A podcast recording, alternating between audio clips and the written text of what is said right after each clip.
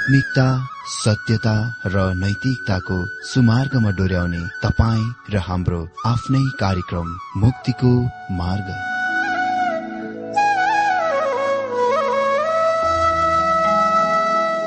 आदरणीय श्रोता यस मुक्तिको मार्ग कार्यक्रममा हार्दिक स्वागत छ। आशा छ यस आत्मिक कार्यक्रमद्वारा जीवनमा आत्मिक आशिष अलौकिक शान्ति र आनन्द प्राप्त गर्नुहुनेछ। र जीवनमा धन्य अनुभव गर्नुहुनेछ। आउनुहोस् श्रोता। मन र आत्माको तयारीको लागि यो मिठो अनि मधुर भजन गीत सुनौ।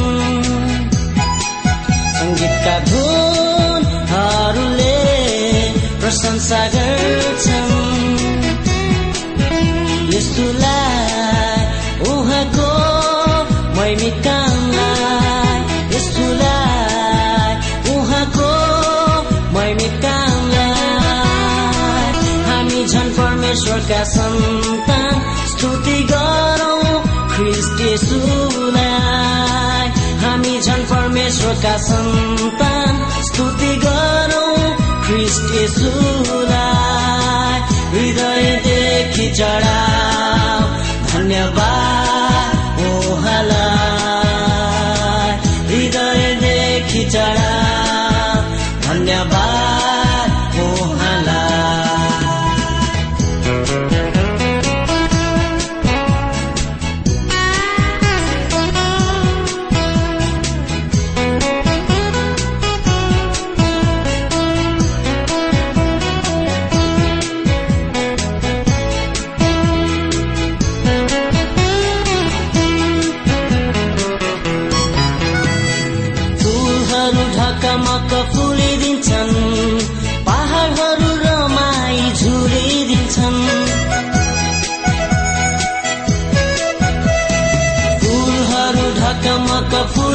छन्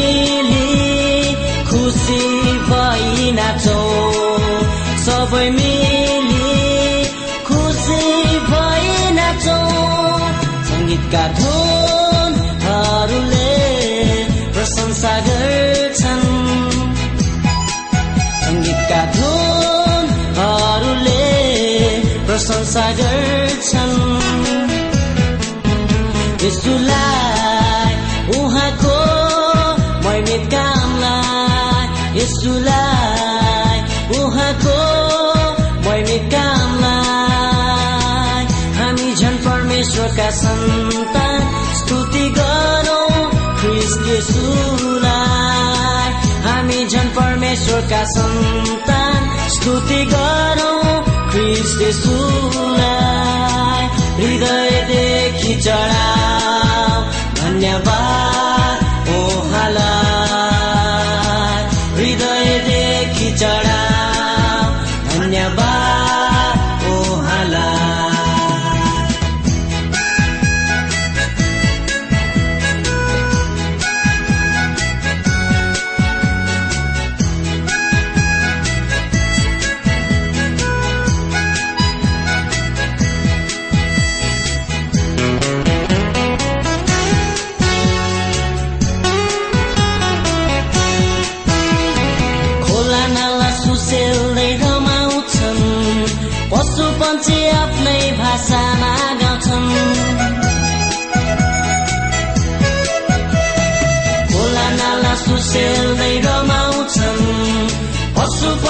आफ्नै भाषामा गाउँछन्।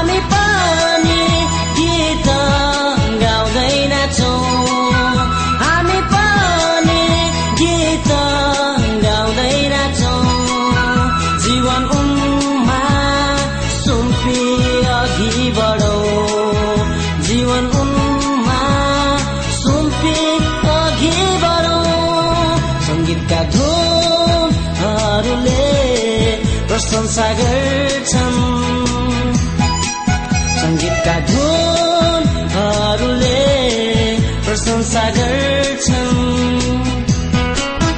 यस्तुलाई उहाँको मैमित कामलाई यस्तुलाई उहाँको मैमित कामलाई हामी झन् परमेश्वरका सन्तान स्तुति गरौँ हामी झन् परमेश्वरका सन्तान स्तुति गरौँ ख्रिस्ट यसुलाई हृदयदेखि चढाऊ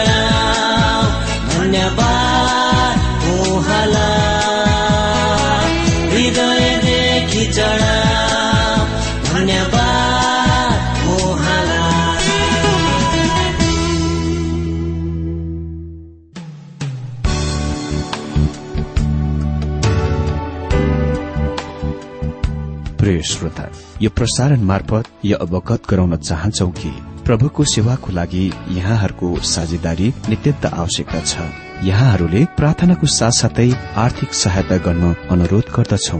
तपाईँहरूको सानोभन्दा सानो भेटी किन नहोस् हामी प्रभुको नाममा स्वीकार गर्नेछौ प्रभुको सेवाको लागि। तपाईँहरूको यो सानो लगानीले कसैको जीवनमा भिन्नता ल्याउँछ? अनि प्रभुको महिमा हुन्छ। प्रभु तपाईँहरूलाई महान गरी आशिष दिनुहुनेछ। इच्छुक श्रोताहरूले तपाईँको इच्छा भेटी हाम्रो ठेगानामा पठाउन सक्नुहुन्छ जुन ठेगाना हामी कार्यक्रमको अन्तमा दिनेछौं। प्रिय श्रोता मित्र प्रभु येशु ख्रिस्टको मधुर अनि सामर्थ्य नाममा मेरो जयमसी तथा हार्दिक स्वागत छ आजको यो बाइबल अध्ययन कार्यक्रममा। श्रोता आज हामी दोस्रो युहन्ना बाटोको हाम्रो बाइबल अध्ययन अन्तिम हो। म आशा गर्दछु तपाईँहरूले धेरै आत्मिक आशिषहरू यो पुस्तक बाटोको अध्ययनबाट प्राप्त गर्नुभयो। हजुर अघिल्लो दिनमा हामीले दोस्रो युहन्ना एक अध्यायको सात पदबाट जीवन चाहिँ ख्रिस्टको शिक्षा सिद्धान्तको अभिव्यक्त हो भन्ने विषयदेखि बाइबल अध्ययन गरिरहेका थियौं। आज हामी यही विषयलाई दोस्रो युहन्ना एक अध्यय आठदेखि तेह्र पदबाट जारी राख्नेछौ। एकपल्ट म यस पत्रमा तपाईँहरूलाई युहन्नाको खास जोड प्राथमिकतालाई याद दिलाउँछु। यदि प्रेम र सत्य एक आपसमा लडाई वा संघर्षमा छ भने सधैँ सत्य विजय हुनुपर्छ। मतलब सत्यको प्राथमिकता दिनु पर्दछ अनि पदसातमा युहनाले आफ्नो चेतावनीको पनि दिन्छन्। सात पदमा लेखिएको छ किनकि भ्रममा पानीहरू धेरैजना संसारमा आएका छन् जसले येशु ख्रिष्ट शरीरमा आउनुभएको हो भनी स्वीकार गर्दैनन्। यस्तो व्यक्ति नै छली र ख्रिष्ट विरोधी हो। मित्र अनि यसको यस पदको बारेमा हामीले अघिल्लो दिनमा विवरण साथ अध्ययन गरिसक्यौं। अब हामी आठ पदमा हेर्नेछौ। यस प्रकार लेखिएको छ होस्या रहो। जुन कुराको निम्ति तिमीहरू काम गरिरहेका छौ त्यो गुमाउने होइन तर पूरा इनाम पाउने हौ।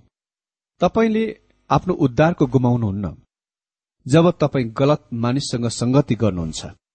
हामीले यसको स्पष्ट रूपमा बुझ्न आवश्यक छ। तर तपाईँ आफैलाई खतरनाक स्थानमा राख्न सक्नुहुन्छ। यसको मतलब यो हो तपाईँ र म झुट्टा शिक्षासँग र कल्टसँग पहिचान हुने बित्तिकै वा यस्ता प्रकारका कुराहरूमा लाग्ने बित्तिकै जुनले ख्रिस्टको ईश्वरत्वको इन्कार गर्दछ हामीले आफ्ना इनामहरू गुमाएका छौं। त्यस्तो विश्वासको लागि कुनै इनाम हुने छैन जसले यस्तो गरेका छन्। प्रत्येक विश्वासी इनाम पुरस्कारको निम्ति काम गरिरहनुपर्छ र उहाँले कुनै दिन यो भनेको सुन्न योग्य हुनुपर्छ। स्याबास त असल र विश्वासयोग्य सेवक। मती पच्चिसको एक्काइस पद अनुसार पावलको जीवनमा अन्तमा उसले यो भन्न सके। दोस्रो तिमोथी चार अध्यय सात अनि आठ पदमा मैले असल लडाई लडेको छु। मैले मेरो दौड़लाई पूरा गरेको छु। मैले विश्वासको रखवाली गरेको छु। अब उपरान्त मेरो लागि धार्मिकताको मुकुट राखिएको छ। जो चाहिँ धार्मिक न्यायकर्ता प्रभुले त्यस दिन मलाई दिनुहुनेछ। उसको जीवन अवधिभरि। उसलाई यसको बारेमा त्यति धेरै निश्चित थिएन। किनकि उसले भने उनी अस्वीकार गरिन चाहँदैनथे।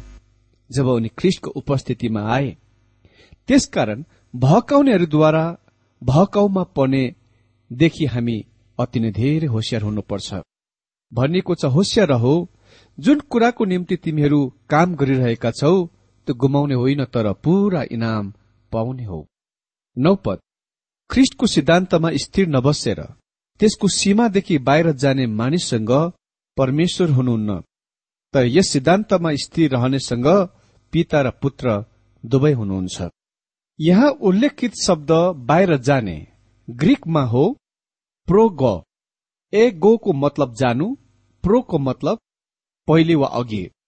प्रो अगो को मतलब हो पहिले जानु वा अगाडि जानु। त्यसकारण यहाँ बाहिर जानुको अर्थ हो अगाडि जानु। सही ठिक भन्दा अगाडि जानु हो। जो कोही सही वा ठिक कुराबाट अझ अगाडि जान्छ त्यो केही एक्सट्रिम उग्र वा सबैभन्दा बाहिरको वा टाढाको कुरातिर जान्छ। यो नै कुरा नोस्टिक वा ब्रह्मज्ञानवादीहरूले आफै स्वयंको लागि दावी गर्दथे। नोसिस शब्दको अर्थ हो ज्ञान। नोस्टिकहरू ब्रह्मज्ञानवादीहरूले अरू कसै भन्दा धेरै कुनै त्यस्तो ज्ञान हुने दावी गर्दथे जुनले तिनीहरूलाई अति नै महान आत्मिक विश्वासी सन्तहरू बनाउँदथ्यो। अनि आज पनि त्यस श्रेणीका केही विश्वासीहरू सन्तहरू छन्। तिनीहरू सोच्दछन् कि तिनीहरूसँग केही त्यस्तो कुरा छ जुन हामी अरूहरूसँग चाहिँ छैन। अनि म कहिले कहीँ त्यस्तो पत्रहरू पाउँछु जसले मलाई भन्छ कि मलाई केही कुराको धेरै नै अभाव घटी कमी छ। मलाई थाहा छ ममा घटी कमी हुन सक्छ तर मलाई लाग्दैन मलाई यो कुरा भन्ने तिनीहरू उचित व्यक्तिहरू हुन्। मलाई यो कुरा भन्ने तिनीहरू योग्य व्यक्तिहरू हुन् किनभने तिनीहरू आफूसँग भएको विचार धारणा वा दृष्टिकोणबाट यो भन्छन् र मसँग त्यो छैन। तिनीहरू सोच्दछन् कि तिनीहरू मात्र अति नै महान र खास प्रभुका जनहरू हुन् र तिनीहरू मात्र स्वर्गीयका हकदार हुन् र अति नै धेरै आत्मिकी। तर तिनीहरूले प्रभुमा अन्य विश्वासी भाइहरूको लागि कुनै पनि प्रेम प्रकट गर्दैनन् देखाउँदैनन्। जुनको अर्थ हो तिनीहरू ख्रिस्टको शिक्षा सिद्धान्तमा रहिरहेका छैनन्।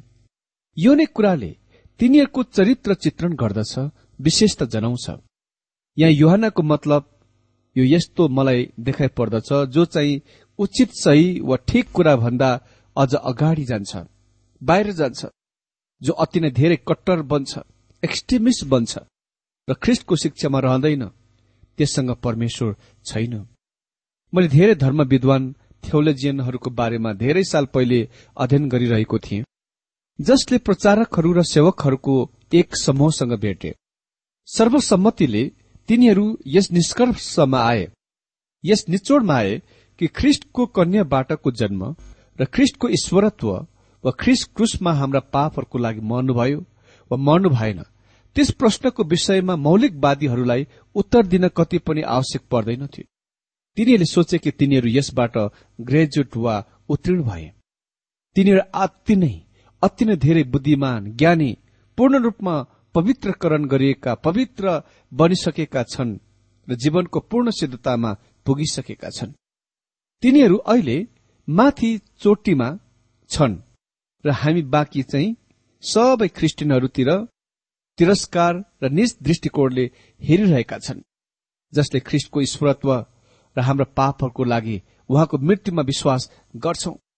मेरो विचारमा र मेरो फैसलामा तिनीहरूले अपराध गरेका छन् र ख्रिस्टको शिक्षामा रहेका छैनन् र तिनीहरूसँग परमेश्वर हुनुहुन्न। निसन्देह तिनीहरू यस निष्कर्षमा आए कि परमेश्वर मरेको हुनुहुन्थ्यो मृत्यु हुनुहुन्थ्यो। उहाँ मरेको हुनुहुन्न थियो। तिनीहरू मरेका थिए। एफिसी दुई अध्ययको एक पद अनुसार पाप र अपराधहरूमा मरेका। हरेक जसले अपराध गर्छ र ख्रिस्टको शिक्षामा रहँदैन त्योसँग परमेश्वर हुनुहुन्न। जो ख्रिस्टको शिक्षामा रहन्छ उसँग पिता र पुत्र दुवै हुनुहुन्छ।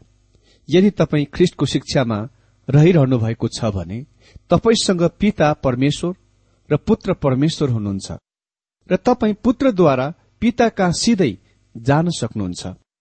यदि हामी ख्रिस्टको शिक्षामा रहिरहन्छौ भने उहाँको अद्भुत र असीमित अनुग्रहले ख्रिस्टद्वारा परमेश्वर कहाँ पुग्ने सिधै पहुँच छ। रहन्छ शब्दको मतलब हो सधैँभरि त्यसमा रहिरहनु। यो नित्य स्थायी प्रबन्ध हो व्यवस्था हो। कसैले मलाई भनेथे उसले एकजना मतलब ख्रिस्टको शिक्षामा सधैँ रहिरहनु हो त्यसमा सधैँ बनिरहनु हो। ख्रिस्टको शिक्षाको परिवर्तन नगरिकन एक साल ख्रिस्टको शिक्षामा अनि अर्को साल चाहिँ अर्को मानव निर्मित शिक्षामा। अनि यो मेरो निम्ति म भन्न सक्छु। यसलाई मेरो निम्ति लागू गर्न सक्छु। युहान यहाँ भनिरहेका छन् जो ख्रिस्टको शिक्षामा रहन्छन् र जो त्यसमा बनिरहन्छन् र परिवर्तन गर्दैनन् फेर्दैनन् उसँग पिता र पुत्र छ। नौ पदमा भनिएको छ ख्रिस्टका सिद्धान्तमा स्त्री नबसेर त्यसको सीमादेखि बाहिर जाने मानिससँग परमेश्वर हुनुहुन्न। तर यस सिद्धान्तमा स्थिर रहनेसँग पिता र पुत्र दुवै हुनुहुन्छ। दश पद यदि कोही तिमी कहाँ आएर यो सिद्धान्त ल्याएन भने त्यसलाई घरमा स्वागत नगर्नु। त्यसलाई अभिवादन पनि नगर्नु। हेर्नुहोस् यहाँ। यो भन्दा कुनै कड़ा कथन छ जस्तो मलाई लाग्दैन। हामीले यो पत्रको पृष्ठभूमिको पुनः हेर्न आवश्यक छ। युहानले चुनिएकी स्त्रीलाई पत्र लेखिरहेका छन्। जो स्थानीय मण्डलीमा अति नै धेरै विशिष्ट स्त्री हुन्। विशिष्ट स्त्री हुन सक्छिन्। र जो तिनको अतिथि सत्कारको लागि प्रसिद्ध थिइन्। स्पष्ट छ कि तिनी त्यस्तो स्त्री थिइन् जसले पाहुनाहरूलाई अति नै राम्रो गरी खानपान र अतिथि सत्कार गर्थे। तिनी अति नै धेरै उद्धार चितकी थिइन्। अनि यो प्रत्यक्ष छ स्पष्ट छ यी केही ब्रह्मज्ञान सिद्धान्तवादीहरू नोस्टिकहरू पनि तिनको घरमा आए। र तिनले उनीहरूलाई पनि राम्ररी खानपान र अतिथि सत्कार गरिन्। त्यसपछि यसको बारेमा तिनले आफ्नो विवेकमा दोषी र खराब महसुस गरिन्। र तिनले यस कुरालाई युहनालाई लेखिन्। यस्तो मामलामा तिनले के गर्नुपर्छ त? के तिनले उनीहरूलाई अतिथि सत्कार गर्नुपर्छ? यदि तिनले उनीहरूलाई आफ्नो घरमा आउन र बस्न र खानपान गर्नदेखि भगाए तिनलाई अति नै खराब लाग्ने थियो। सत्य विश्वास त्यागीप्रति झुट्टा शिक्षकप्रति र ती व्यक्तिप्रति जो ख्रिस्टको ईश्वरत्वको इन्कार गर्दछन् तर ख्रिस्टको चेला वा विश्वासी हुने बहाना गर्दछ। त्यस्ताको लागि तिनको वास्तविक मनोवृत्ति वा कस्तो हुनुपर्छ त? के तिनले त्यस्तालाई आफ्नो घरमा अतिथि सत्कार गर्नुहुन्छ? हामीले यो कुराको पनि थाहा पाउन आवश्यक छ। त्यसबेला आजका हाम्रा दिनमा उपलब्ध जस्तै अति नै ठूला र राम्रा होटलहरू लजहरूका व्यवस्था थिएनन्। अनि तिनीहरूसँग पौवा पार्टीहरू थिए जुनमा रहनलाई स्थान त हुन्थ्यो तर त्यहाँ विस्तार ओढ्ने ओछ्याउने कपडा र खानपानको व्यवस्था हुँदैनथ्यो त्यसकारण यात्रीहरूले आफैसँग गुन्द्री ओढ्ने ओछ्याउने लाँदथे र बास बस्दथे अनि ती पौवा पार्टीहरू छुट्टै कोठै कोठा भएको हुँदैनथ्यो त्यो ठूलो हल हुन्थ्यो र त्यहाँ मानिसहरू यताउता शुद्धथे कोही तपाईँको खुट्टा मुनि पछाडि कोही चाहिँ तपाईँको शिर अगाडि दाहिने देब्रेतिर मानिसहरू आफ्नो गुन्द्री ओछ्याएर शुद्ध थिए। कहिलेकाहीँ त त्यो पनि खचाखचले भरिन्दथ्यो र बास बस्ने स्थान पाउन गाह्रो पर्दथ्यो। कुरा जेसुकै होस् त्यो नै त्यस दिनमा यात्रीहरूको लागि विधि तरिका थियो। त्यसकारण विश्वासीहरूका घर सधैँ सुसमाचार प्रचार प्रसार यात्रामा हुने र बाइबल शिक्षकहरूको लागि खुला हुन्थ्यो। जब यी मानिसहरू कुनै सहर वा गाउँमा आउँथे त्यहाँ सधैँ केही घर हुने थियो जहाँ तिनीहरूलाई अतिथि सत्कार गरिन्थ्यो। याद गर्नुहोस् पाउल अक्विला र प्रिस्क्विलाको घरमा रहे। जब उनी कोरन्थीमा थिए त्यो नै प्राचीन प्रारम्भिक मण्डली चर्चको विधि र त्यस दिनको आम सामान्य अभ्यास थियो। अनि यो चलन प्रथा आज पनि धेरै मुलुकहरूमा विश्वासीहरूको बीचमा हुँदैछ। यदि कुनै प्रचारक वा सेवक कुनै विश्वासीको घरमा गए उसलाई निश्चय नै प्रायले अतिथि सत्कार गर्दछन्। क्षमता अनुसार खानपान गराउँछन्। युहानाले पत्र लेखिरहेको यो स्त्री अतिथि सत्कारको र उद्धारचितका स्त्री थिइन् र तिनीसँग झुट्टा शिक्षकहरूलाई अतिथि सत्कार गर्ने सम्बन्धमा प्रश्न थियो। अनि युहानाले तिनलाई यहाँ यसको निम्ति सुझाव दिन्छन्। दश पदमा यदि कोही तिमी कहाँ आएर यो सिद्धान्त ल्याएन भने त्यसलाई घरमा स्वागत नगर्नु त्यसलाई अभिवादन पनि नगर्नु। अनि अहिले युहन्नाले केही त्यस्तो कुरा भन्छन् जुनले आज हामी प्रत्येकलाई होसियार बनाउनै पर्छ। एघार पद किनकि त्यस्तालाई अभिवादन गर्ने त त्यसका दुष्ट कामहरूमा सहभागी हुन्छन्। अनि अहिले युहानले केही त्यस्तो कुरा भन्छन् जुनले आज हामी प्रत्येकलाई होसियार बनाउनै पर्छ। अनि एघार पदमा भन्छन् किनकि त्यस्तालाई अभिवादन गर्ने त त्यसका दुष्ट कामहरूमा सहभागी हुन्छन्। यदि तपाईँले झुट्टा शिक्षकहरूलाई अतिथि सत्कार वा खानपान गराउनुहुन्छ भने यदि तपाईँ उसलाई आर्थिक सहायता गर्नुहुन्छ भने तपाईँ उससँग उसको काममा भागीदार हुनुहुन्छ। यो नै कारण तपाईँले क्रिस्चियनको रूपमा कसैलाई पनि कुनै कुरा दिनभन्दा पहिले राम्ररी जाँच पड़ताल गरेर मात्र दिनुपर्छ। किनभने यदि तपाईँले गलत कुरामा र खराब काममा दिइरहनु भएको छ भने सहायता गरिरहनु भएको छ भने परमेश्वरले तपाईँलाई यसमा भागीदार विचार गर्नुहुन्छ। तपाईँले एक दिन ती सबै खराब कुराको लागि परमेश्वरलाई लेखा दिनुपर्नेछ। किनकि परमेश्वरले तपाईँलाई यसको लागि उत्तरदायी मान्नुहुन्छ र सम्झनुहुन्छ। त्यसकारण जसलाई पनि र जुनसुकै कुरा हामी अरूलाई दिन्छौं त्यसमा हामी सधैँ होसियार हुनुपर्छ। किनकि हामीले दिने कुराहरू गलत कामहरूमा प्रयोग भइरहेको हुन सक्छ प्रभुको महिमा नदिने कामहरूमा भइरहेको हुन्छ। जुनको उत्तरदायीको रूपमा परमेश्वरले हामीलाई विचार गर्नुहुन्छ।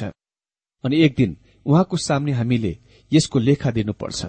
त्यसकारण हामी यी कुराहरूमा होसियार हुनुपर्छ। एघार पदमा लेखिएको छ किनकि त्यसलाई अभिवादन गर्ने त त्यसका दुष्ट कामहरूमा सहभागी हुन्छ।